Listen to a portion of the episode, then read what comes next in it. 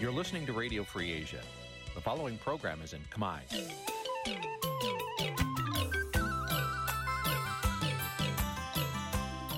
Nǐ chi càm bi tiệp xáy vệt chiu a zì sê ray នេះជាកម្មវិធីផ្សាយរបស់ Vithu Azisari ជាភាសាខ្មែរ វត្តឈូអាស៊ីសេរីសូមស្វាគមន៍លោកអ្នកនាងទាំងអស់ពីរដ្ឋធានី Washington នៃសហរដ្ឋអាមេរិក បាទប្រធានាធិបតីវ៉ាស៊ីនតោនខ្ញុំបាទធីនសាការីយ៉ាសូមជម្រាបសួរលោកអ្នកកញ្ញាទាំងអស់ជាទីមេត្រីខ្ញុំបាទសូមជូនកម្មវិធីផ្សាយសម្រាប់យប់ថ្ងៃសុក្រ5កើតខែកដិកឆ្នាំថោះបញ្ញស័កពុទ្ធសករាជ2567ត្រូវថ្ងៃទី17ខែវិច្ឆិកាគ្រិស្តសករាជ2023បាទជាដំបូងនេះសូមអញ្ជើញលោកនាងកញ្ញាស្ដាប់ព័ត៌មានប្រចាំថ្ងៃដែលមានមេត្តាដូចតទៅ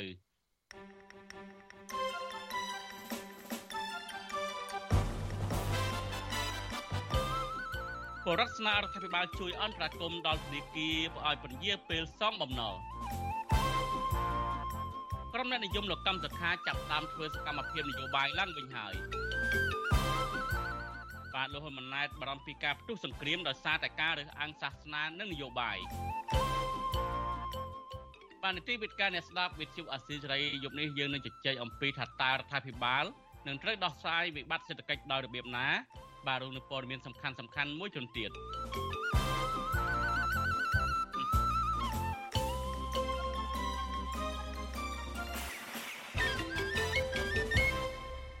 បាទលោកនាយទីមេត្រីជាបន្តទៅនេះខ្ញុំបាទទីនសាការីយ៉ាសូមជូនព័ត៌មានពិស្ដា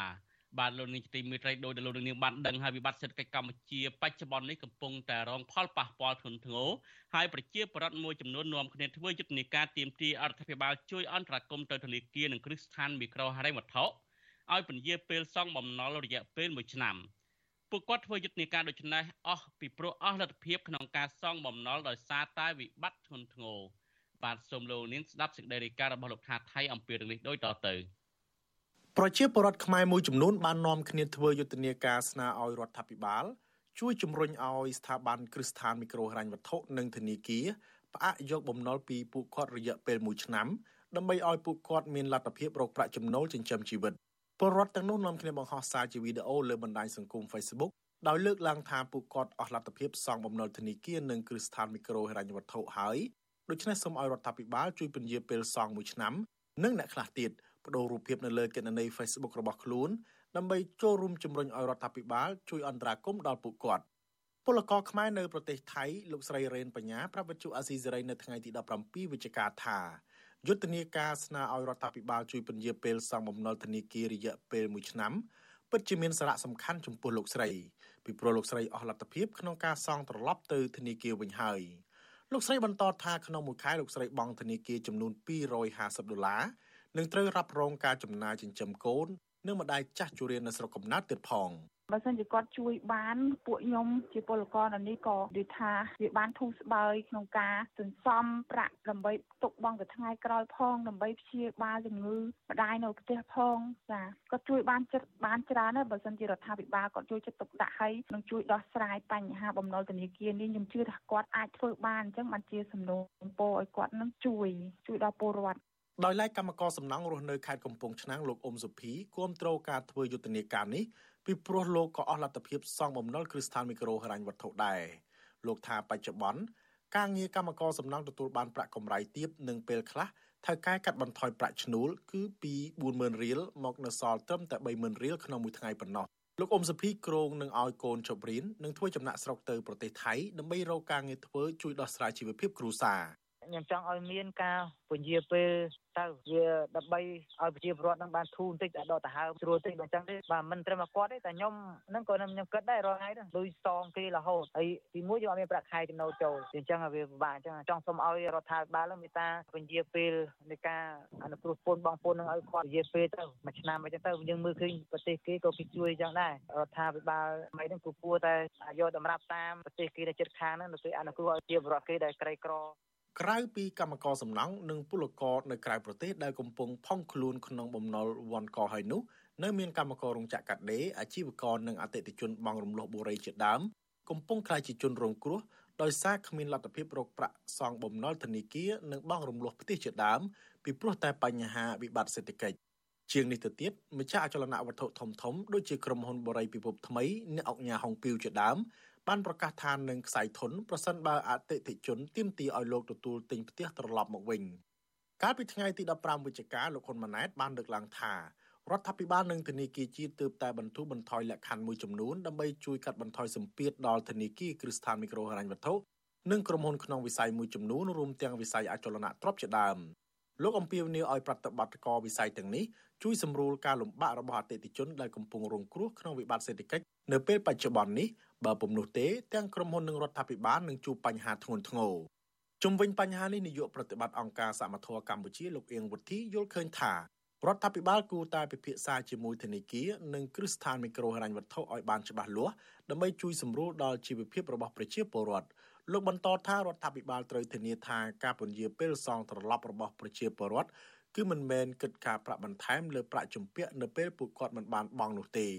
ប៉ុន្តែអ្វីដែលយើងចង់ឃើញគឺទី1ប្រឈប់នៅការគម្រាមកំហែងជាពីសំណាក់ខាងមីក្រូរញ្ញវត្ថុហ្នឹងឲ្យប្រជាពលរដ្ឋលក់ដីលក់ផ្ទះគ្រប់ទម្រង់នៃការរំលោភបំពានឬក៏ផិតបំភ័យហើយអ្វីដែលយើងចង់ឃើញគឺឲ្យមានការផ្ដល់ជាការអនុគ្រោះឬក៏ការពជាពេលនៃការសងត្រឡប់ទៅវិញ នៅក្នុងទំហំមួយដែលប្រជាពលរដ្ឋអាចធ្វើបានអានេះវាទាមទារឲ្យមានការដាក់ចេញនូវគោលនយោបាយជាក់លាក់ កាលពីខែសីហាកន្លងទៅអង្គការលីកាដូនិងអង្គការសមត្ថៈកម្ពុជាបានចេញរបាយការណ៍សិក្សារួមគ្នាមួយរកឃើញថាពលរដ្ឋរាប់ម៉ឺនគ្រួសារនៅខេត្តកំពង់ស្ពឺរងផលប៉ះពាល់ធ្ងន់ធ្ងរដោយសារបំណុលក្នុងនោះរួមមានការលក់ដីទាំងបង្ខំការកាត់បន្ថយម្ហូបអាហារនិងកុមាររាប់ពាន់នាក់បានបោះបង់ការសិក្សារបាយការណ៍ដដែលបញ្ជាក់ថាពលរដ្ឋលើសពី80%ជំពាក់បំណុលធនាគារយ៉ាងតិចមួយស្ថាប័ន ក្នុងនោះមានពលរដ្ឋ2ភាគ3អះអាងថាពួកគេជាប់បំណុលធ្ងន់ធ្ងរលើសពីលទ្ធភាពនៃការសងត្រឡប់មន្ត្រីអង្គការសង្គមស៊ីវិលលើកឡើងថាបញ្ហាបំណុលនេះនឹងធ្វើឲ្យកម្ពុជាប្រឈមនឹងវិបត្តិសង្គមធ្ងន់ធ្ងរប្រសិនបើរដ្ឋាភិបាលយឺតយ៉ាវក្នុងការដោះស្រាយខ្ញុំថាថៃពីទីក្រុងមែលប៊ន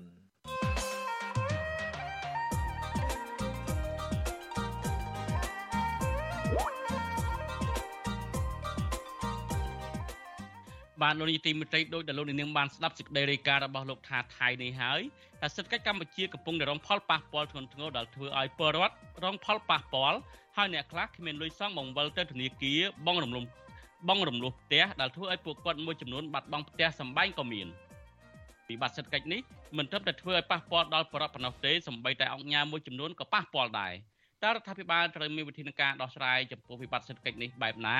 បាទសូមលោកនាងរងចាំទស្សនានីតិវិទ្យាអ្នកស្ដាប់វិទ្យុអាស៊ីសេរីដែលនឹងផ្សាយនាពេលបន្តិចទៀតនេះបាទបើសិនជាលោកនាង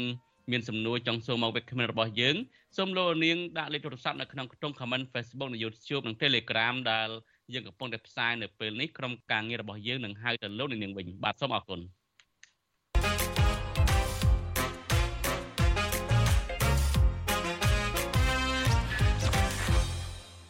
បាទខ្ញុំបាទសេងបណ្ឌិតសូមជម្រាបសួរអស់លោកនាងកញ្ញាទាំងអស់យើងខ្ញុំបានមកជួបគ្នាជាថ្មីម្ដងទៅហើយហើយខ្ញុំបាទសូមជម្រាបសួរបងពលីផងឲ្យបានមុន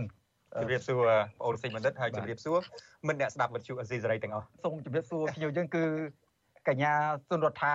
ដែលជាសកម្មជនចលនាមេដាធម្មជាតិជម្រាបសួររដ្ឋាពីចម្ងាយចាជម្រាបសួរពូទាំងពីរហើយក៏ជម្រាបសួរប្រិយមិត្តអ្នកស្ដាប់ទាំងអស់គ្នាដែរ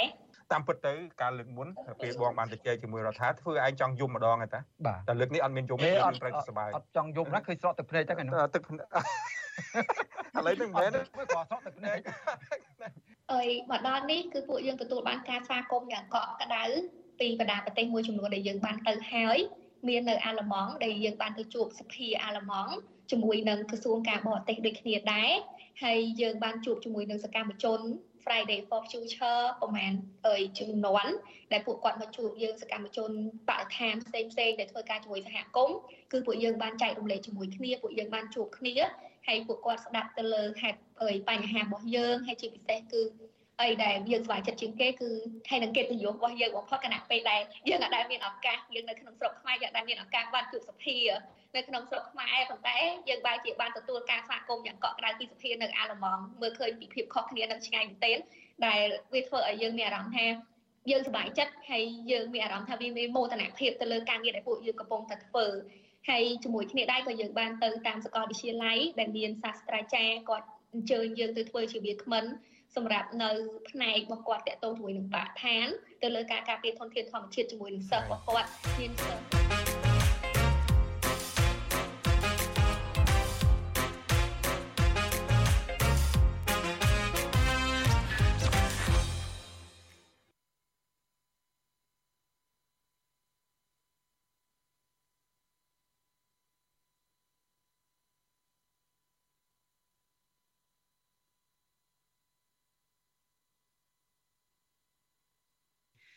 ពួកលោកទាំងពីរទាំង3នឹងជជែកពីអ្វីខ្លះសូមលោកនាងកុំភ្លេចតាមដានទេសនានៅក្នុងកម្មវិធីផ្សាយ podcast នៅព្រឹកថ្ងៃសៅរ៍ហើយយើងនឹងចាប់ដើមចាក់ផ្សាយឡើងវិញនៅយប់ថ្ងៃច័ន្ទសប្តាហ៍ក្រោយបាទសូមអរគុណលោកនាងជាទីមេត្រីយើងងាកមកមើលរឿងមួយទៀតតកតងនឹងអ្នកដែលនិយមលោកកម្មសខាក្នុងរយៈពេល6ឆ្នាំមកនេះហាក់បីដូចជាស្ងប់ស្ងាត់មិនមានសកម្មភាពអ្វីមិនមានសកម្មភាពនយោបាយអ្វីនោះទេក៏ប៉ុន្តែពេលនេះពួកគាត់បាន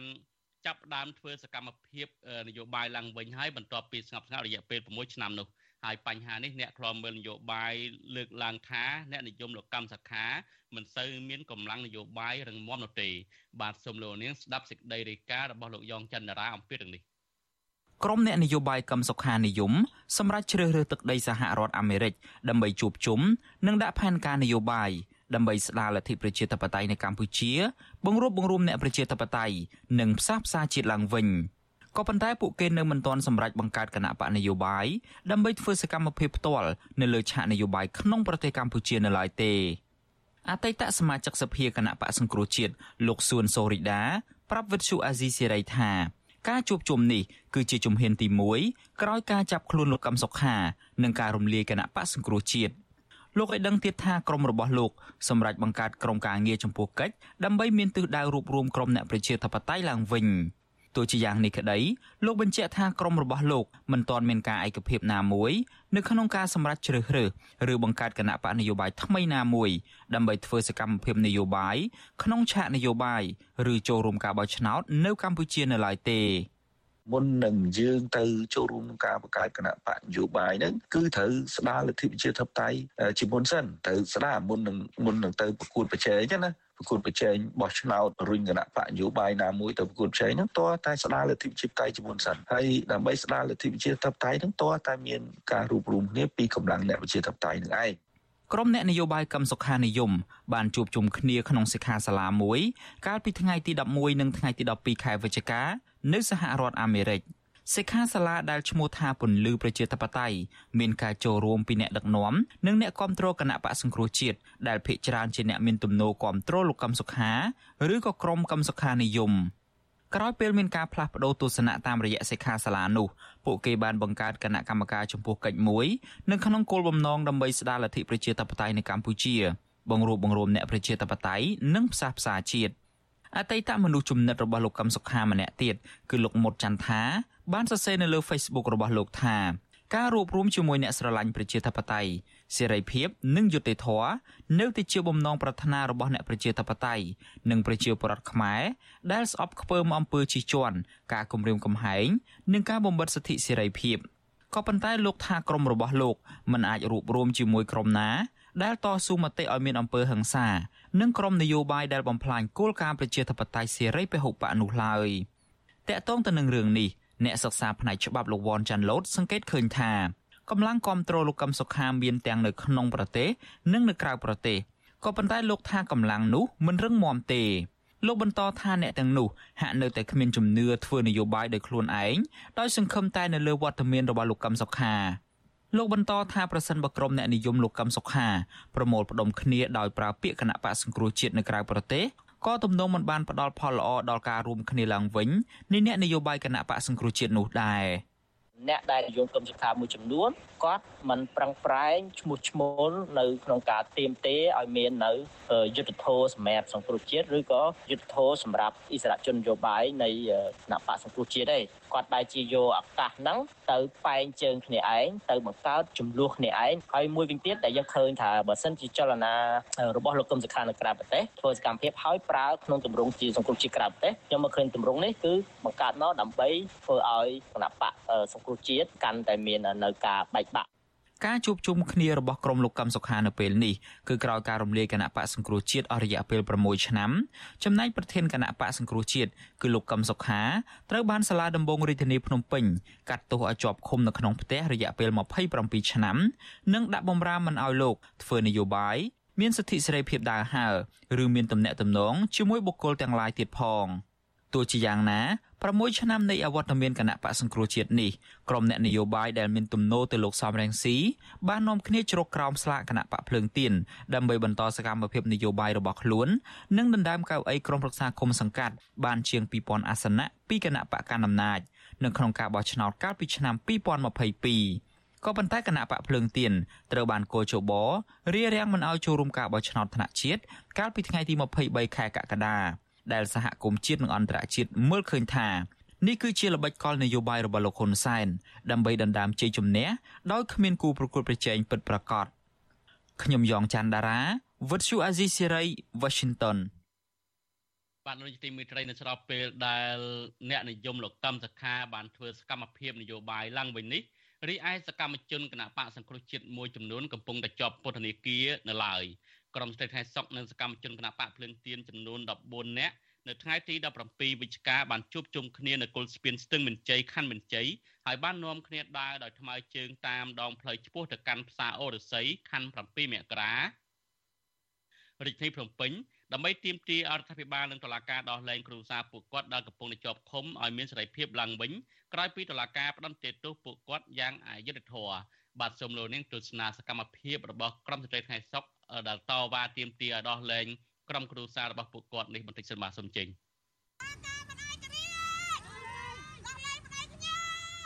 ខ្ញុំចង់និយាយថាដើរតាំងពី92ហ្នឹងមករហូតចង់ឲ្យបងប្អូនយើងជាពលរដ្ឋជួយស្រែកឲ្យតឡាការដោះលែងដោះលែងអ្នកចាប់ទោសទាំងអស់គ្នាទាំងបងផេចថាទាំងប្តីខ្ញុំលោកតូចខាងបងប្អូនយើងដែលជាប់ពន្ធនាគារឲ្យដោះលែងទាំងអស់គ្នាខាងយោបាយមូលហេតុចាប់អត់មានកំហុសទេ យ៉ាទៅឲ្យតឡាការកាត់ឃើញកាត់ដោះលែងបើកាត់ចាប់អត់មានកំហុសទេ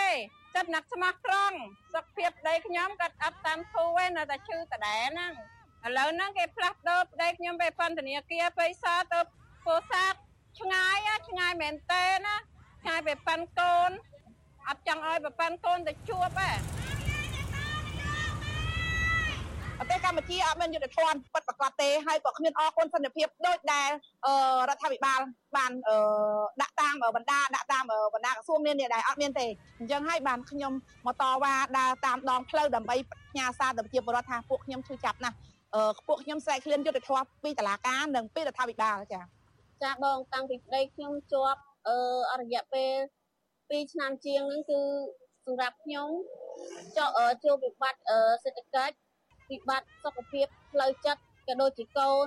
សម្រាប់ខ្ញុំគឺពិបាកខ្លាំងណាស់បងដោយសារគាត់ជាមេគ្រួសារគាត់ជាប់ហើយឥឡូវគេកាត់ទោសគាត់ដល់ទៅ2ករណីជាប់ចំនួន11ឆ្នាំខ្ញុំកាន់វិខនេះគឺវិខគាត់នេះគឺចង់ឲ្យអន្តរជាតិសិទ្ធិមនុស្សនិងអង្គការផ្សេងផ្សេងសង្គមស៊ីវិលទាំងអស់ហ្នឹងឲ្យគាត់មើលឃើញនៃភាពអយុត្តិធម៌របស់គាត់ដែលគាត់ត្រូវជាប់ទោសដោយអត់មានកំហុសណាខ្ញុំស្នើសុំឲ្យ តឡាការដោះលែងនិងលើកការចោទប្រកាន់ដល់គាត់និងអ្នកទោសទាំងអស់ព្រោះពួកគេអត់មានកំហុសទេវាគ្រាន់តែជារឿងនយោបាយអរឡែង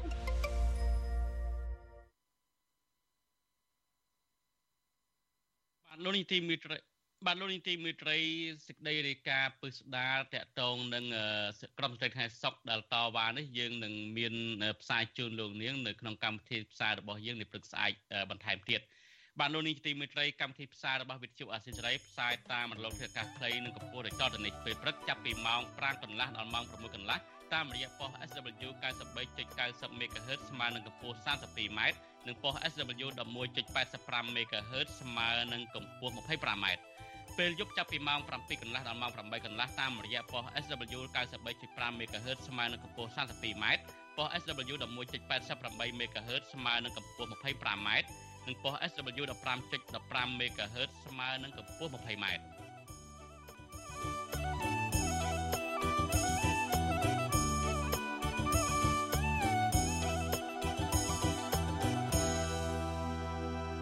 បាទលោកនាងទីមេត្រីនៅខណៈដែលអ្នកនយោបាយខ្មែរកំពុងតែមិនទាន់ចុះសម្រុងគ្នានៅឡើយនោះហើយបកប្រឆាំងមិនអាចនៅក្នុងប្រទេសបានថ្នាក់ដឹកនាំមួយចំនួននោះឯលោកហ៊ុនម៉ាណែតនេះវិញបែរជាព្រួយបារម្ភ អំពីសង្គ្រាមកាន់តែក្តៅឡើង ពិសេសគឺសង្គ្រាមដោយសារតែការរើសអើងការរើសអើងសាសនាឬក៏អំពើជ្រុលនិយមនៅក្នុងសង្គមខ្មែរមន្ត្រីសង្គមមន្ត្រីបពប្រឆាំងនៅអ្នកតាមដានបញ្ហាសង្គមលើកឡើងថាវាគ្មានរឿងបែបនេះកើតឡើងទេបើមេដឹកនាំគោរពរដ្ឋធម្មនុញ្ញហើយបើកលំហនយោបាយនិងសិទ្ធិសេរីភាពឡើងវិញនោះបាទសូមលោកនាងស្ដាប់សេចក្តីរាយការណ៍របស់កញ្ញាខាន់លក្ខណាអំពីរឿងនេះដូចតទៅ លោកនាយករដ្ឋមន្ត្រីហ៊ុនម៉ាណែតបដិញ្ញាលុបបំបាត់ទស្សនៈជ្រុលនិយមនិងការរអើងលើវិស័យសាសនានិងនយោបាយដោយលោកបារម្ភខ្លាចមានការផ្ទុះសង្គ្រាមកើតឡើងពីស្ថានភាពបែបនេះដែលនាំឲ្យបែកបាក់សាមគ្គីនៅក្នុងសង្គមជាតិការថ្លែងសាររបស់លោកហ៊ុនម៉ាណែតនេះធ្វើឡើងក្នុងពិធីស្រ័យស្រពព្រះសុគន្ធវារី ប្រគេនព្រះមន្ត្រីសង្ឃជាន់ខ្ពស់នៃគណៈមហានិកាយចំនួន11អង្គនៅក្នុងវត្តមុនីសវណ្ណហៅវត្តចម្ពុះឯកក្នុងសង្កាត់ព្រែកថ្មីខណ្ឌច្បារអំពៅនៅថ្ងៃទី17វិច្ឆិកាក្នុងពិធីនោះលោកហ៊ុនម៉ាណែតបានថ្លែងសារអប់រំនិងបដិញ្ញាលុបបំបាត់សកម្មភាពរើសអើងនឹងគោលនយោបាយជ្រុលនិយមក្នុងសង្គមខ្មែរទាំងក្នុងវិស័យនយោបាយជំនឿសាសនា និងនិន្នាការមតិជាតិសាសន៍ផ្សេងផ្សេងអ្វីដែលកើតឡើងមុនគេគឺចំនួន នៅក្នុងចិត្តរបស់ប្រជាពលរដ្ឋការប្រកាន់ការរើសអើងការលៀបពណ៌គ្នាការឲ្យស្អប់សជាតិនេះសាសនានោះឬមួយនេះគឺជាកត្តាដែលធ្វើឲ្យមនុស្សឈានទៅដល់ការស្អប់គ្នាហើយបើស្អប់គ្នាហើយមិនចាំបាច់មានអាវុធទេសំបីតែដៃតែដុំថ្មនឹងក៏អាចបង្កើតសង្គ្រាមបានដែរតែបើសិនជាមានភាពកក់ក្ដៅការយោគយល់គ្នាការស្រឡាញ់គ្នារក្សានៅសុខដុមរមណីយកម្ម បើកើតនៅជំហរក៏ដែរការគោរពគ្នាទៅវិញទៅមកនេះហើយគឺជាមូលដ្ឋានគ្រឹះនៃការគោរពគ្នានិងការយោគយល់គ្នាការទុកចិត្តគ្នា ដែលអាចឲ្យយើងថែរក្សាទៅសុខសន្តិភាពបានទីប្រឹក្សាគណៈបកកម្លាំងជាតិលោករងឈុនសាទរចំពោះការប្រកាសរបស់លោកហ៊ុនម៉ាណែតនេះថាជាគោលបំណងរបស់អ្នកនយោបាយបកប្រឆាំងនិងពលរដ្ឋចង់បាន ចំពោះសង្គ្រាមវិញលោកថា វាមិនអាចកើតឡើងទេបើរដ្ឋាភិបាលគោរពរដ្ឋធម្មនុញ្ញនិងដោះស្រាយអំពើអយុត្តិធម៌ក្នុងសង្គមបច្ចុប្បន្ន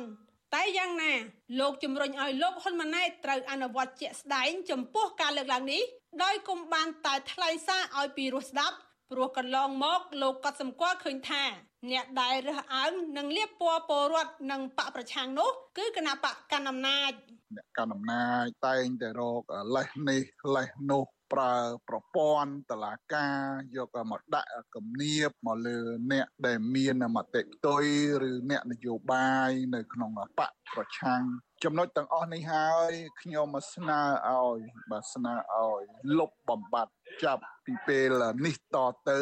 ហើយសូមឲ្យ ដោះលែងអ្នកនយោបាយក៏ដូចជាសកម្មជន សង្គមនិងមេសហជីពដែលកំពុងជាប់ឃុំបាទជាប់ឃុំនៅពន្ធនាគារលោករងឈុនស្នើលោកហ៊ុនម៉ាណែតឲ្យបើកលំហសេរីភាពនយោបាយគោរពសិទ្ធិមនុស្សនិងដោះលែងលោកថៃស៊ីថា លោកកកុម្ភាកញ្ញាសេងធីរីកញ្ញាឈឹមស៊ីធនិងសកម្មជនផ្សេងផ្សេងទៀតឲ្យមានសេរីភាពវិញជាដើម។ អ្នកជំនាញផ្នែកវិទ្យាសាស្ត្រនយោបាយនិងកិច្ចការអន្តរជាតិលោកអែមសវណ្ណរាចាត់ទុកការប្រកាសរបស់នាយករដ្ឋមន្ត្រី ថាជារឿងល្អប៉ុន្តែដើម្បីឲ្យការប្រកាសលុបបំបាត់ការរើសអើងនិងលៀបពណ៌នយោបាយនេះបានទាមទារឲ្យមានយន្តការធ្វើនិងអនុវត្តចេញ ពីគណៈបកកណ្ដាលអំណាចខ្លួនឯងលោកក៏សម្គាល់ឃើញថាសម្បីតែមន្ត្រីមួយចំនួននៅក្នុងជួរគណៈបកប្រជាជនកម្ពុជាក៏មានការចោទប្រកាន់លៀបពណ៌គ្នាទៅវិញទៅមកដែរចំណែកពលរដ្ឋវិញ គ្រាន់តែចេញតវ៉ាទាមទារដំណោះស្រាយដីធ្លីរបស់ខ្លួនក៏រងការលៀបពណ៌ដែរហើយបញ្ហានេះដែលធ្វើឲ្យសង្គមកាន់តែប្រេះស្រាំឈានទៅបែកបាក់នោះអញ្ចឹងខ្ញុំគិតថាពលរដ្ឋសាមញ្ញពុំមានទៅលៀបពណ៌គណៈបកនេះគណៈបកនោះហើយច្រើនគណៈបកកណ្ដាលជាលៀបពណ៌ប្រជាពលរដ្ឋឬក៏បកប្រឆាំងអីចឹងបាទទោះបីលោកហ៊ុនម៉ាណែតថ្លែងសារអប់រំ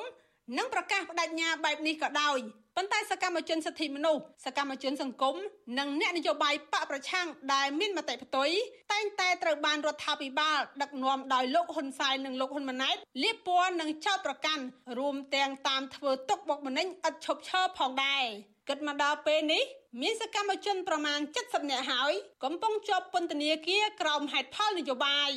រីឯមេដឹកនាំគណៈបកប្រឆាំងនិងសកម្មជនមួយចំនួន ត្រូវបង្ខំចិត្តនិរទេសខ្លួនទៅក្រៅប្រទេសជាដើមខ្ញុំខណ្ឌលក្ខណាវិសុអេស៊ីសេរីបាទលោកទីមិត្តរីលោកនាងទៅបានស្ដាប់ព័ត៌មានរបស់វិទ្យុអេស៊ីសេរីដែលជម្រាបដល់ខ្ញុំបាទទីនសាការីយ៉ាប្រធានាធិបតីវ៉ាស៊ីនតោនសូមលោកនាងរងចាំទស្សនានីតិវិទ្យាអ្នកស្ដាប់វិទ្យុអេស៊ីសេរីនៅពេលបន្តិចទៅនេះ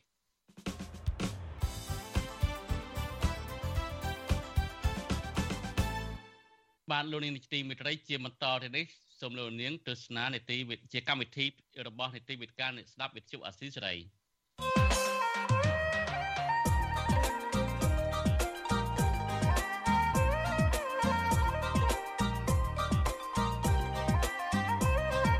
វេទិកាអ្នកស្ដាប់វិទ្យុអាស៊ីសេរី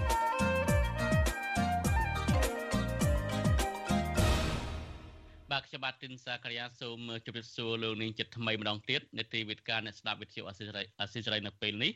យើងមានវិក្កាមិនដែលជាអ្នកជំនាញសេដ្ឋកិច្ចនិងជាអនុប្រធានគណៈបកភ្លើងទៀនគឺលោកបណ្ឌិតសុកហាជ ហើយវិក្កាមិនយើងមួយរូបទៀតហ្នឹងគឺអ្នកខ្លោមើលផ្នែកអភិវឌ្ឍសង្គមគឺលោកបណ្ឌិតសេងសេរីហើយប្រធានបទដែលយើងនឹងជជែកគ្នានៅពេលនេះយើងនឹងជជែកថាតើរដ្ឋាភិបាលត្រូវដោះស្រាយវិបត្តិសេដ្ឋកិច្ចសប្តាហ៍នេះបែបណាហើយអ្វីជាដើមចំដែលធ្វើឲ្យមានវិបត្តិធ្ងន់ធ្ងរសេដ្ឋកិច្ចនោះបាទបាទខ្ញុំបាទបានឃើញលោកដិតសេនស៊ូរីហើយសូមជម្រាបសួរលោកដិតសេនស៊ូរីបាទបាទសូមជម្រាបសួរបាទអញ្ចឹងការអប់រំទូនព្រៀនបណ្ដៅបាទខ្ញុំក៏បានឃើញលោកដិតសុកហាយដែរខ្ញុំបាទសូមជម្រាបសួរលោកដិតបាទ លោកដិតសុកហាយបាទ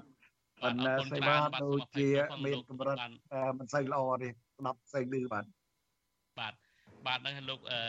ខាងបច្ចេកទេសប្រាប់ថាលោកបានចូលមកយូរហើយសូមអភ័យទោសប៉ុន្តែលោករងចាំយូរបន្តិចតែថ្ងៃនេះបាទលោកដិតសេនស៊ូរីឃើញមានកងដៃអីផងមានបញ្ហាអ្វីបាទខ្ញុំឆ្លោះដៃបាទអូឆ្លោះដៃបាទទោះយ៉ាងណាលោកនៅឆ្លៀតពេលចូលរួមដែរបាទអរគុណច្រើន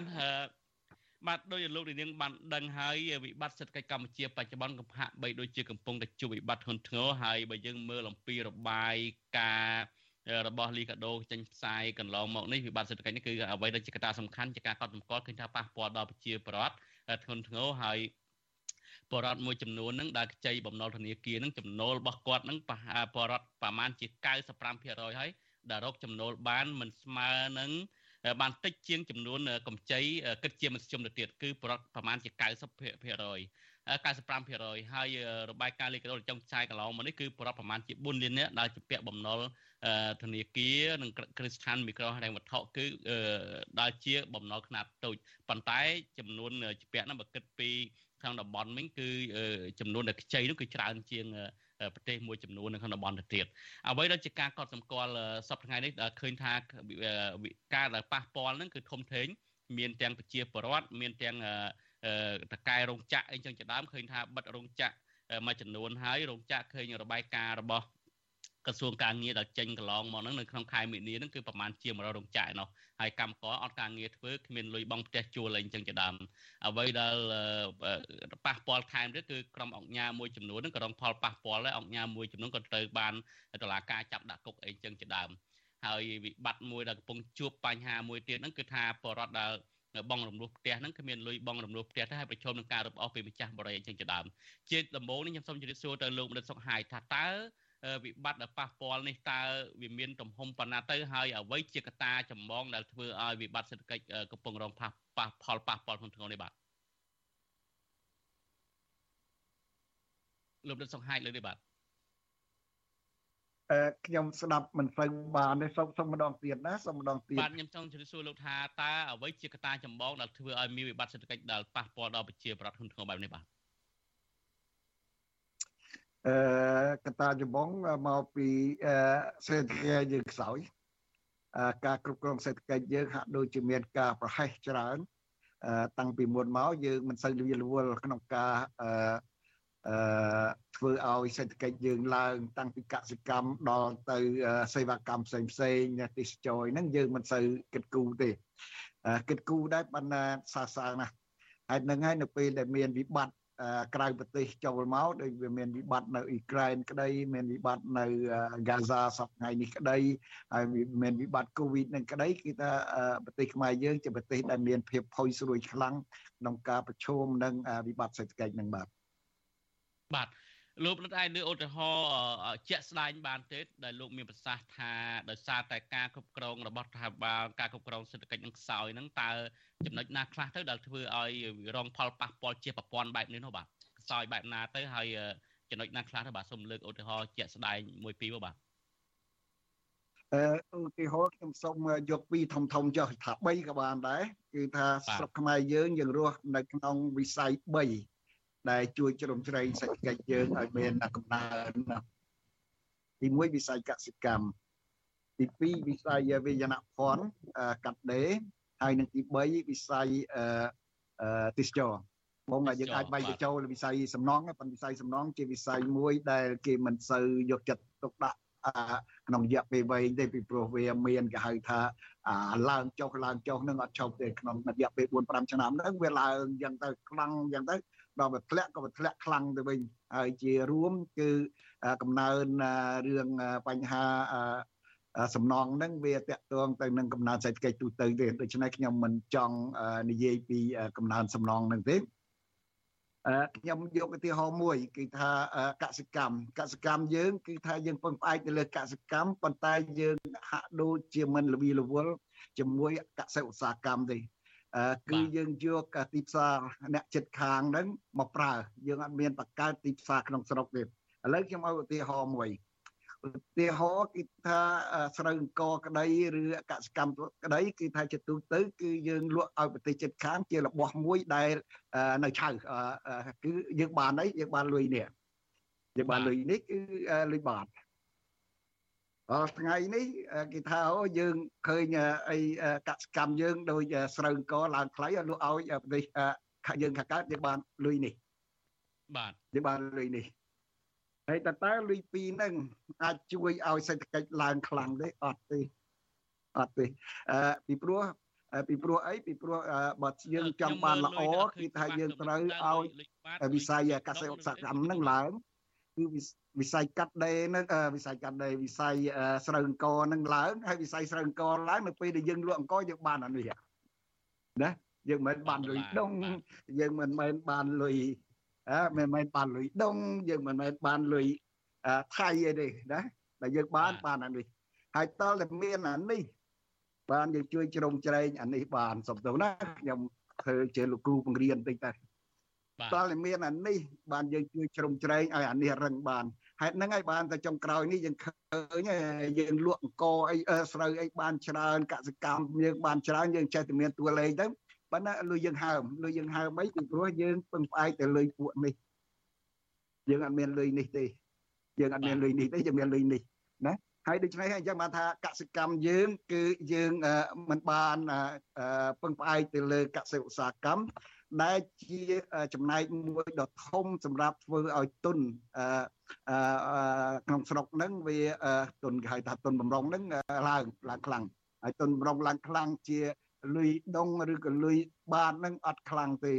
តលលុយដុល្លារហើយលុយដុល្លារតលវាចេញពីការកែច្នៃរបស់របរមួយចំនួនបាទហើយក៏ខ្ញុំជូនជាកំណត់មួយទៀតទៅតួលេខមួយម៉ាត់ទៀតទៅណាគឺអឺ បើសិនជាយើងយកចេះយកមកកែច្នៃបានទាំងអស់ណាគឺយើងអាចមានទុនបំរុងបានមកកសិកម្មយ៉ាងតិចក៏2000លានលានដុល្លារដែរមួយឆ្នាំមួយឆ្នាំថ្មីថ្មីថ្មីថ្មីនឹងហើយ2000លានដុល្លារគឺវាស្មើនឹង15%នៃសំទោសច្រើនដែរ7%នៃនៃនៃផលិតផលសរុបក្នុងស្រុកយើងហ្នឹងហើយអាហ្នឹងធ្វើឲ្យសេដ្ឋកិច្ចយើងខ្លាំងណាស់ ឥឡូវនេះអះលោកសការីយ៉ាបានមានប្រសាសន៍មួយហើយមានចលនាមានអ្នកខ្លះពាក់មួកគណៈបកយើងខ្ញុំផងប៉ុន្តែមិនមែនយើងខ្ញុំជាអ្នករៀបចំទេណាខ្ញុំសូមប្រាប់ទៅប៉ុន្តែអានេះគឺថាសមោចបែកបើបែក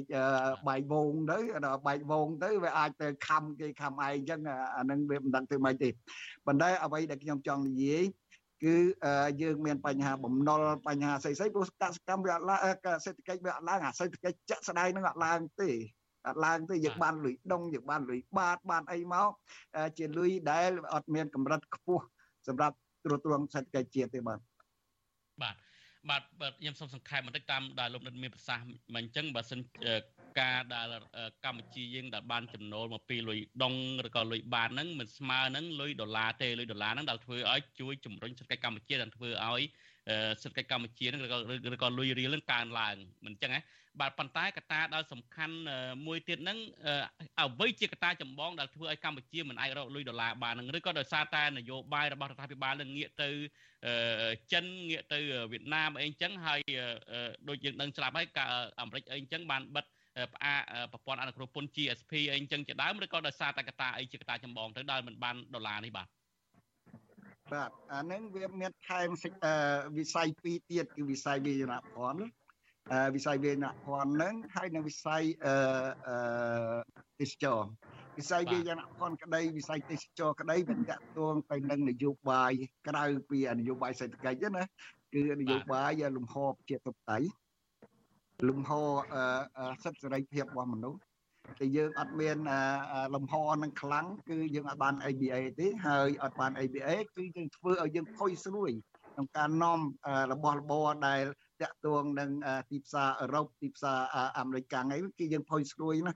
ណាដូច្នេះអនថ្ងៃហ្នឹងយើងឃើញយើងមាន deficit គេហៅថាអនុភាពខ្លាំងក្នុងការនាំរបស់ចេញទៅក្រៅ អាហ្នឹងដែលធ្វើឲ្យទុនទុនទុនបំរុងរបស់ប្រទេសជាតិយើងហ្នឹងនៅត្រឹងដែលអាចធ្លាក់ផងខ្ញុំគ្មានពលលេខអីច្បាស់លាស់រឿងហ្នឹងទេប៉ុន្តែมันអាចជួយជ្រោមជ្រែងប្រទេសជាតិបានទេវិស័យមួយទៀតហើយវិស័យអឺវិញ្ញាណភ័ណ្ឌដែលខ្ញុំនិយាយមិញហ្នឹងរាល់ដងមុនកូវីដហ្នឹងគឺថាវាអាចជួយទុនបំរុងយើងហ្នឹងពី3ទៅ4000លានដុល្លារ ក្រៅណាស់ក្រៅណាស់ណាឥឡូវហ្នឹងបើតាមខ្ញុំដឹងមើលទៅបែបបានតិចវិញបានតិចវិញហ្នឹងមួយទៀតវិស័យទេសចរវិស័យទេសចរជាវិស័យមួយដែលជួយជ្រោមជ្រែងឲ្យសេដ្ឋកិច្ចយើងខ្លាំងដែរវាអាចបានមិនមិនអន់ជាង1000លានដុល្លារទេគឺថាសម្រាប់ជួយអតិថិជនហើយហេតុអីបានខ្ញុំនិយាយឲ្យអានឹងគឺវិស័យទេសចរហ្នឹងក៏ដូចគ្នាដែរគេមិនមកលេងប្រទេសមួយដែលមានរូបភាពអឺ ជាអ្នកដែលមិនសូវប្រជាធិបតេយ្យរូបភាពដែលមិនសូវអឺអឺមានសន្តិសុខណាយើងឃើញមានកូនមានអីពីមុនមកណាយើងយើងឃើញហើយអានឹងដោយសារអីដោយសាររឿងអភិបាលកិច្ចរួមរបស់យើងនឹងយើងនៅខ្សោយដូច្នេះយើងជាប្រទេសមួយដែលមានភាពខុយស្រួយខ្លាំងខុយស្រួយខ្លាំងរឿងសេដ្ឋកិច្ច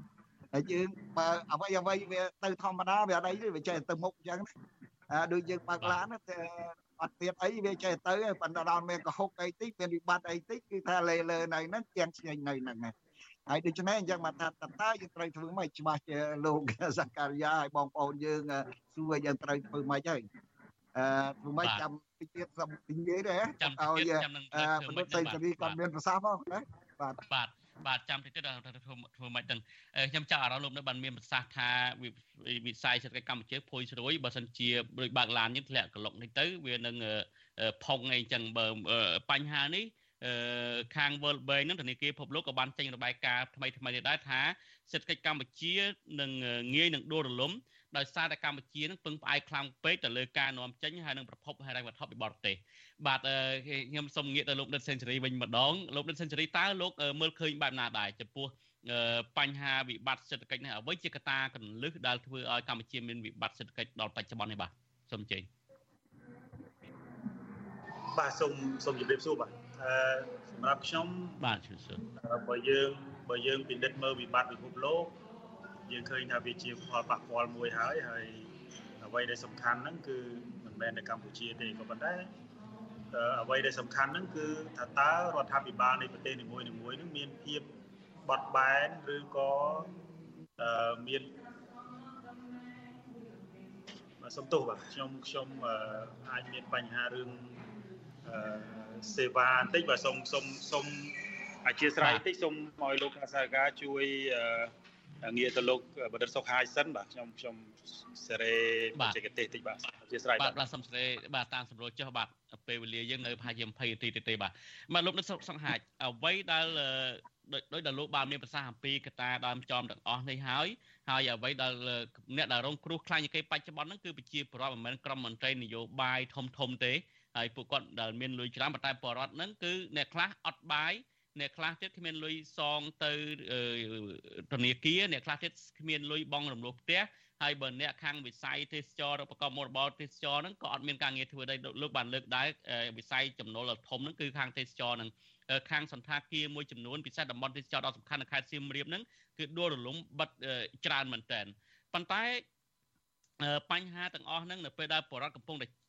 ជួបប្រទះបែបនេះអ្នករស់ស៊ីក៏ជួបបញ្ហាហ្នឹង ជាយន្តការរបស់រដ្ឋាភិបាលទៅវិញហ្នឹងតើពេលបច្ចុប្បន្នត្រូវដោះស្រាយបែបណាទៅជួយបែបណាទៅបាទបាទ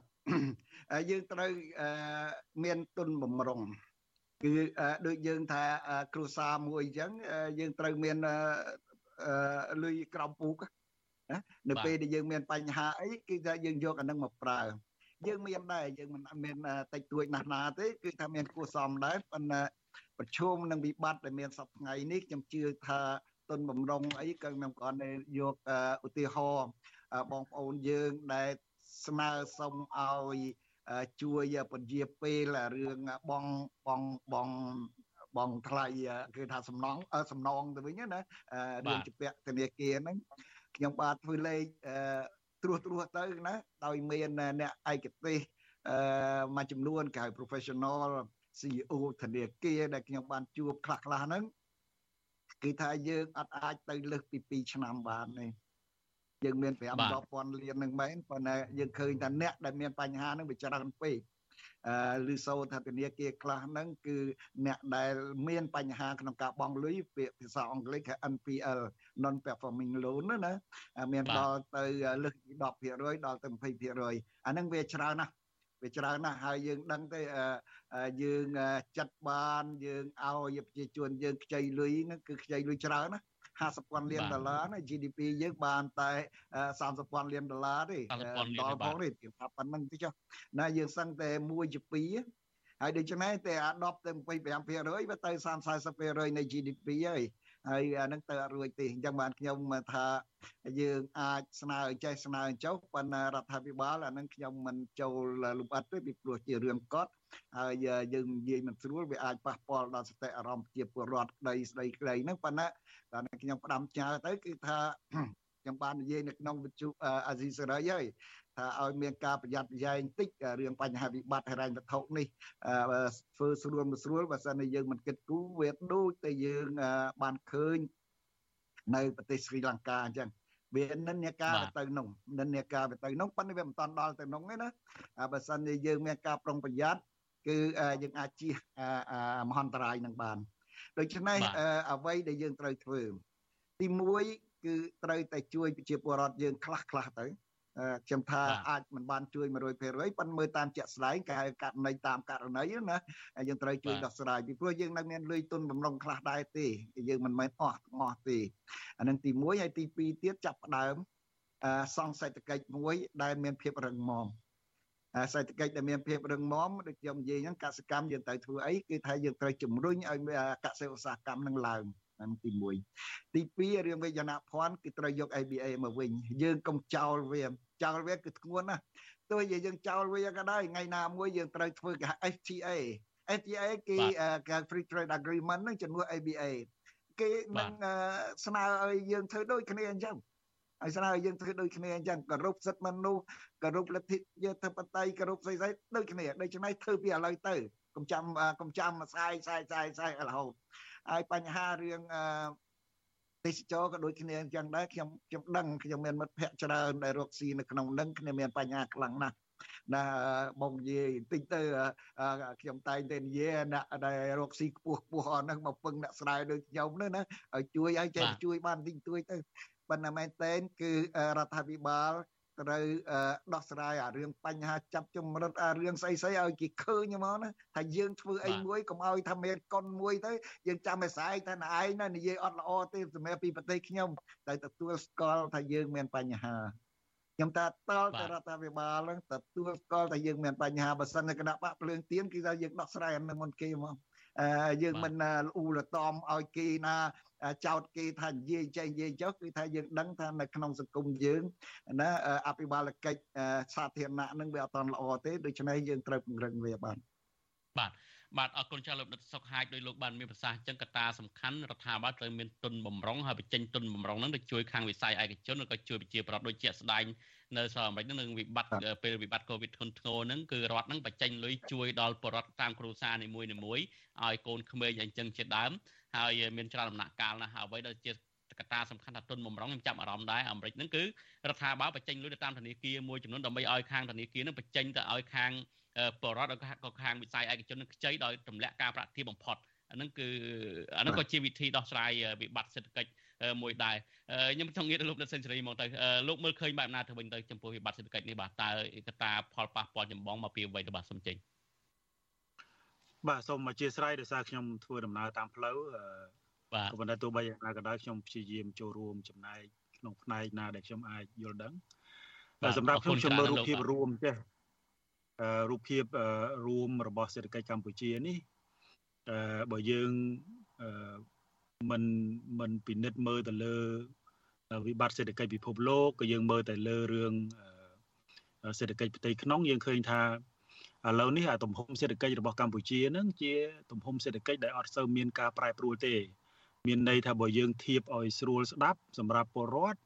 គឺវាដូចនំខេកមួយដុំដែលវាអត់រីកមៀតចឹងអឺប្រជាពលរដ្ឋមានចំនួនកើនឡើងក៏ប៉ុន្តែទំហំសេដ្ឋកិច្ចអត់កើនទេបើយើងពិនិត្យមើលពីឆ្នាំ2015មកដល់ឆ្នាំ2023នេះយើងឃើញថាទំហំសេដ្ឋកិច្ចកម្ពុជានឹងនៅចន្លោះប្រមាណជា30ពាន់លាន ដែលដែលយើងពិនិត្យមើលទៅវាមានការប្រែប្រួលតិចមែនទែនបើយើងធៀបទៅនឹងនំខេកឬក៏នំគូកំណើតម្ដុំហ្នឹងគឺមនុស្សភ្ញៀវកាន់តែច្រើនប៉ុន្តែនំនឹងវារីកអ្វីដែលសំខាន់នេះគឺហេតុអីបានជាសំណួរត្រូវសួរថាតើហេតុអីបានជាទំហំសេដ្ឋកិច្ចកម្ពុជានឹងវាអត់រីកដោយសារតែមានផ្នែកច្រើនណាស់ដោយលោកបណ្ឌិតសុកហាយលើកឡើងអញ្ចឹងថា អាទីផ្សារកសិកម្មយើងនឹងក៏ពឹងទៅលើដង្ហើមប្រទេសជិតខាង ហើយយើងនឹងខ្ជិះខ្ជាយទៅលើរឿងប្រព័ន្ធ EBA ក្នុងវិស័យវាយនភ័ណ្ឌហ្នឹងយើងពឹងទៅលើប្រព័ន្ធអនុគ្រោះមួយចំនួនហើយយើងដោយសារតែយើងនឹងចេះតែ allergy ជាមួយនឹងអឺគេហៅថាប្រតិកម្មពីពីបណ្ដាសហគមន៍អឺរ៉ុបប្រទេសប្រជាធិបតេយ្យហ្នឹងយើង បាត់បង់ប្រព័ន្ធអគ្រូពួនហ្នឹងអាកតារួមផ្សំទាំងអស់នេះហើយបានធ្វើឲ្យទំហំសេដ្ឋកិច្ចយើងហ្នឹងរីកពិបាកដូច្នេះអឺមួយទៀតហ្នឹងគឺកម្ពុជាក៏ដោយលោកមរសុខហើយលើកឡើងដែរគឺជារូបភាពរួមហ្នឹងគឺយើងបើយើងមើលទៅលើ FDI គេហៅ forex foreign direct investment ហ្នឹងយើងឃើញថាយើងពឹងទៅលើប្រទេសតែមួយ មានន័យថា73ទៅ74%ប្រមាណជា3ភាគ 3ភាគ4ទៅហើយ3ភាគ4ដែលយើងពឹងទៅលើប្រទេសចិនដូច្នេះដូច្នេះហើយបានយើងបានយើងមើលឃើញថានៅពេលដែលទំហំសេដ្ឋកិច្ចយើងមិនអាចរីកបានអ្វីដែលរដ្ឋាភិបាលថ្មី ជាពិសេសរដ្ឋាភិបាលរបស់លោកហ៊ុនម៉ាណែតគួរពិចារណាឲ្យមែនទែនហ្នឹងគឺការធ្វើម៉េចធ្វើពិពិធកម្មសេដ្ឋកិច្ចកម្ពុជាហើយដើម្បីអាចធ្វើពិពិធកម្មសេដ្ឋកិច្ចកម្ពុជា វាវាវាត្រូវតែពឹងទៅលើកត្តាអឺការធ្វើពិពិធកម្មផ្នែកខាងអឺទុនវិនិយោគបរទេសហើយឥឡូវនៅពេលដែលយើងចង់ធ្វើម៉េចពង្រីកឧទាហរណ៍ថាបើយើងនៅតែរក្សាទំហំវិនិយោគពីប្រទេសចិននៅដដែលក៏ប៉ុន្តែដើម្បីពង្រីកទុនវិនិយោគផ្សេងទៀតពីបណ្ដាប្រទេសនៅសហគមន៍អឺរ៉ុបឬប្រទេសលោកសេរីហ្នឹងគឺរដ្ឋាភិបាលកម្ពុជាត្រូវពិនិត្យទៅលើរឿងការគោរពសិទ្ធិមនុស្ស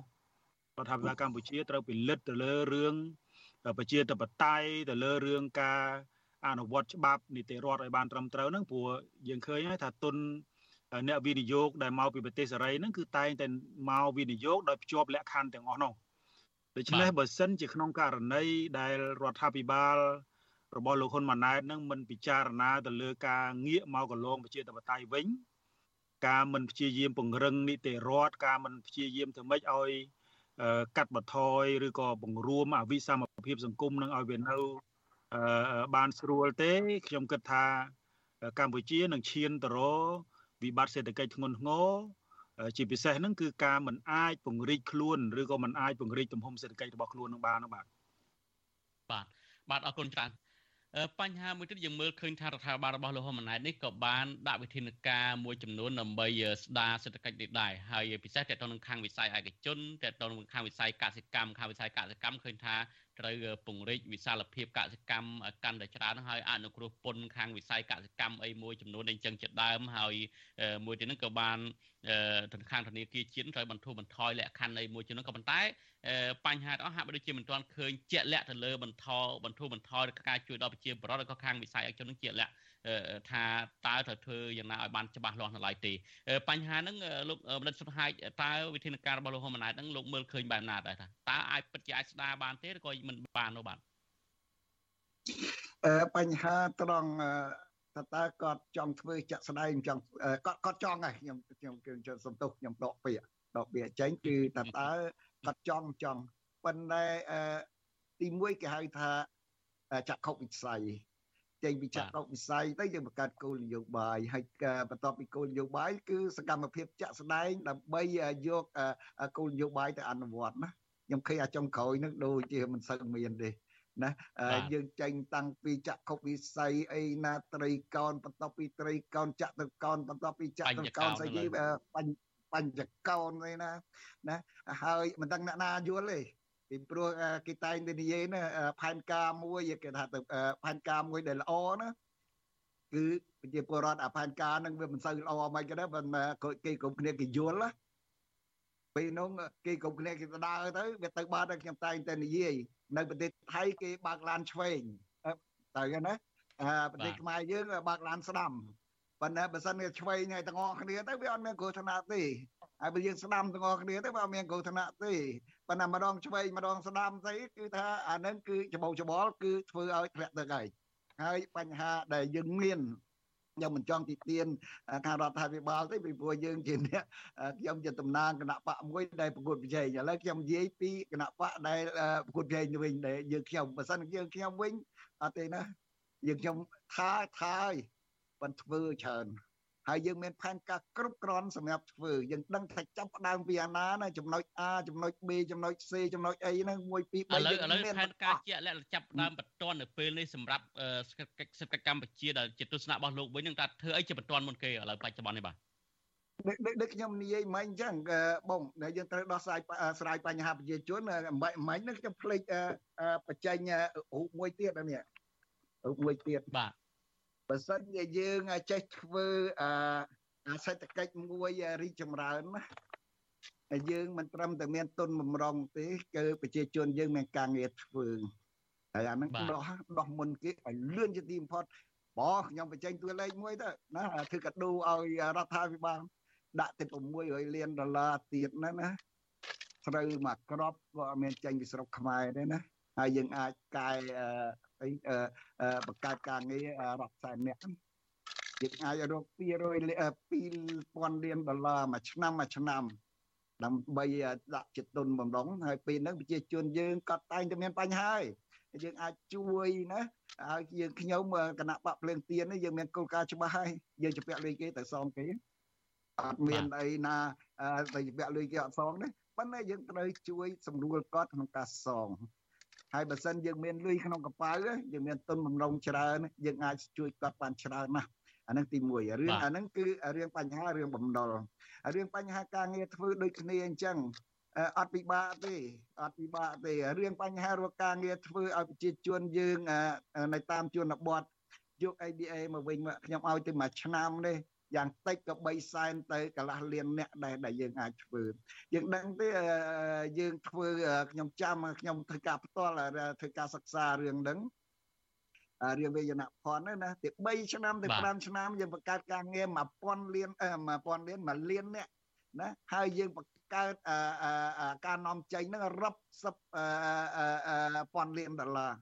ហើយដូច្នេះយក ABA មកវិញអានឹងធ្វើលឿនណាអានឹងធ្វើលឿនណា ធ្វើទៅប៉ុន្តែឲ្យចេះគោរពសិទ្ធិមនុស្សឲ្យស្អីឲ្យចេះធ្វើតាមគេទៅហើយខ្ញុំបង្ហាញលុយកាក់មិញខ្ញុំមិនមែនចង់តែធ្វើ provocation អីទេ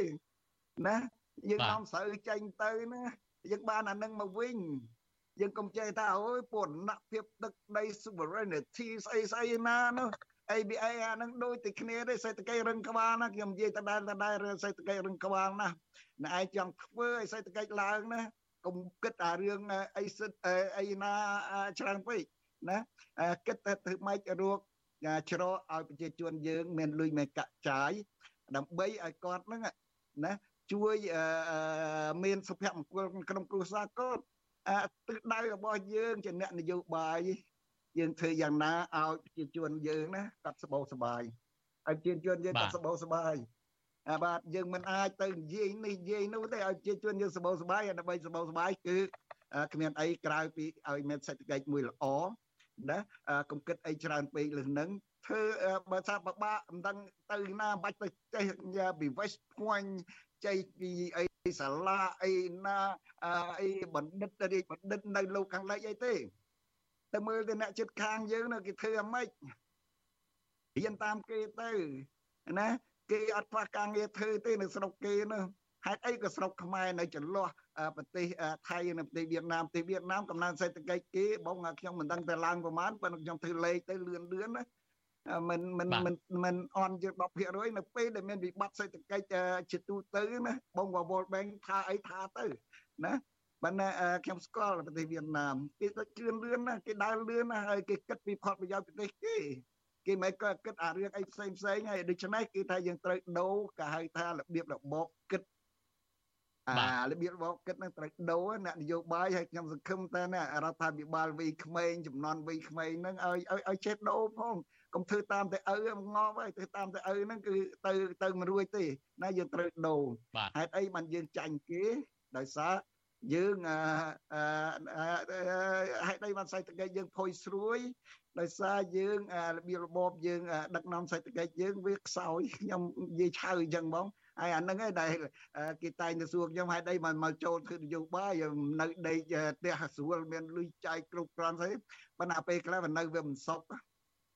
ហើយវាត្រូវចូលមកក្នុងនឹងដើម្បីបាទបាទ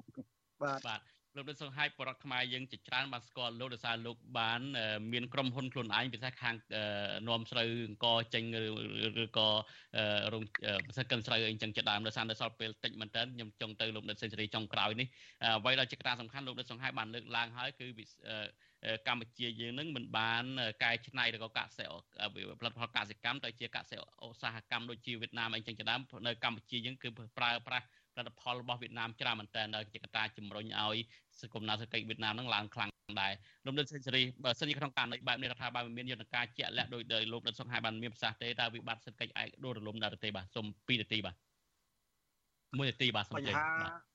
បញ្ហារបស់សេដ្ឋកិច្ចកម្ពុជាមិនមែនរឿង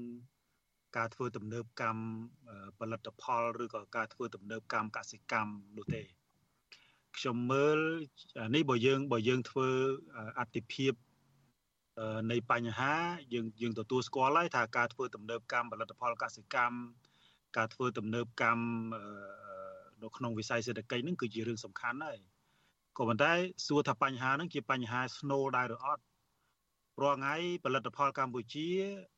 លក់នៅក្នុងប្រទេសអូស្ត្រាលីឬក៏លក់នៅក្នុងប្រទេសអាមេរិកហ្នឹងគឺដាក់ made in Vietnam បាទឃើញទេមានន័យថាវៀតណាមយកផលិតផលកម្ពុជាទៅកែច្នៃ ហើយយកទៅលក់នៅក្នុងបណ្ដាប្រទេសជឿនលឿនហើយហេតុអីបានយើងមិនអាចរកទីផ្សារនៅក្នុងប្រទេសជឿនលឿនបានអានឹងវាពាក់ព័ន្ធទាំងស្រុងទៅលើនៅទៅលើរបៀបគ្រប់គ្រងឬក៏ការគ្រប់គ្រងរបស់រដ្ឋាភិបាលហ្នឹង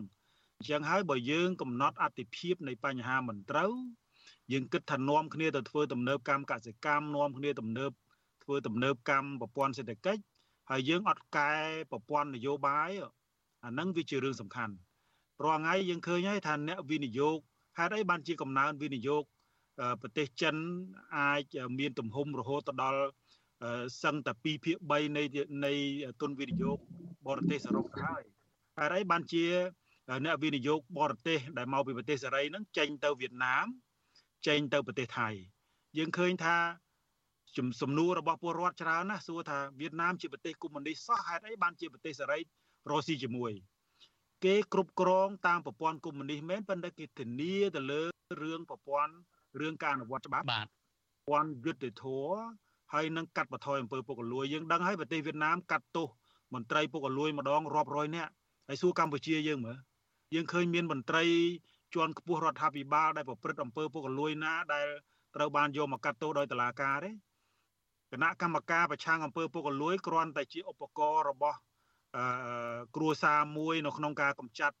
អ្នកដែលមាននិន្នាការប្រឆាំងខ្លួនឬក៏អ្នកដែលធ្វើឲ្យប៉ះពាល់ដល់សេដ្ឋកិច្ចគ្រួសារនោះតែប៉ុណ្ណោះដូច្នេះហើយខ្ញុំគិតថាអ្វីដែលរដ្ឋាភិបាលលោកហ៊ុនម៉ាណែតគួរធ្វើហ្នឹងគឺ ទី1កាត់បន្ថយអំពើពុករលួយឲ្យលឿនបំផុតដែលអាចធ្វើទៅបាននាំកម្ពុជាងាកមកគោរពលទ្ធិប្រជាធិបតេយ្យគោរពសិទ្ធិមនុស្សឲ្យបានត្រឹមត្រូវអាកតានេះដែលជាកតាទិភាពនៅក្នុងការដោះស្រាយមុនគេបន្ទាប់មកទៀត កតាអតិភិបទី2គឺការធ្វើទំនើបកម្មសេដ្ឋកិច្ចហ្នឹងឯងដើម្បីធ្វើម៉េច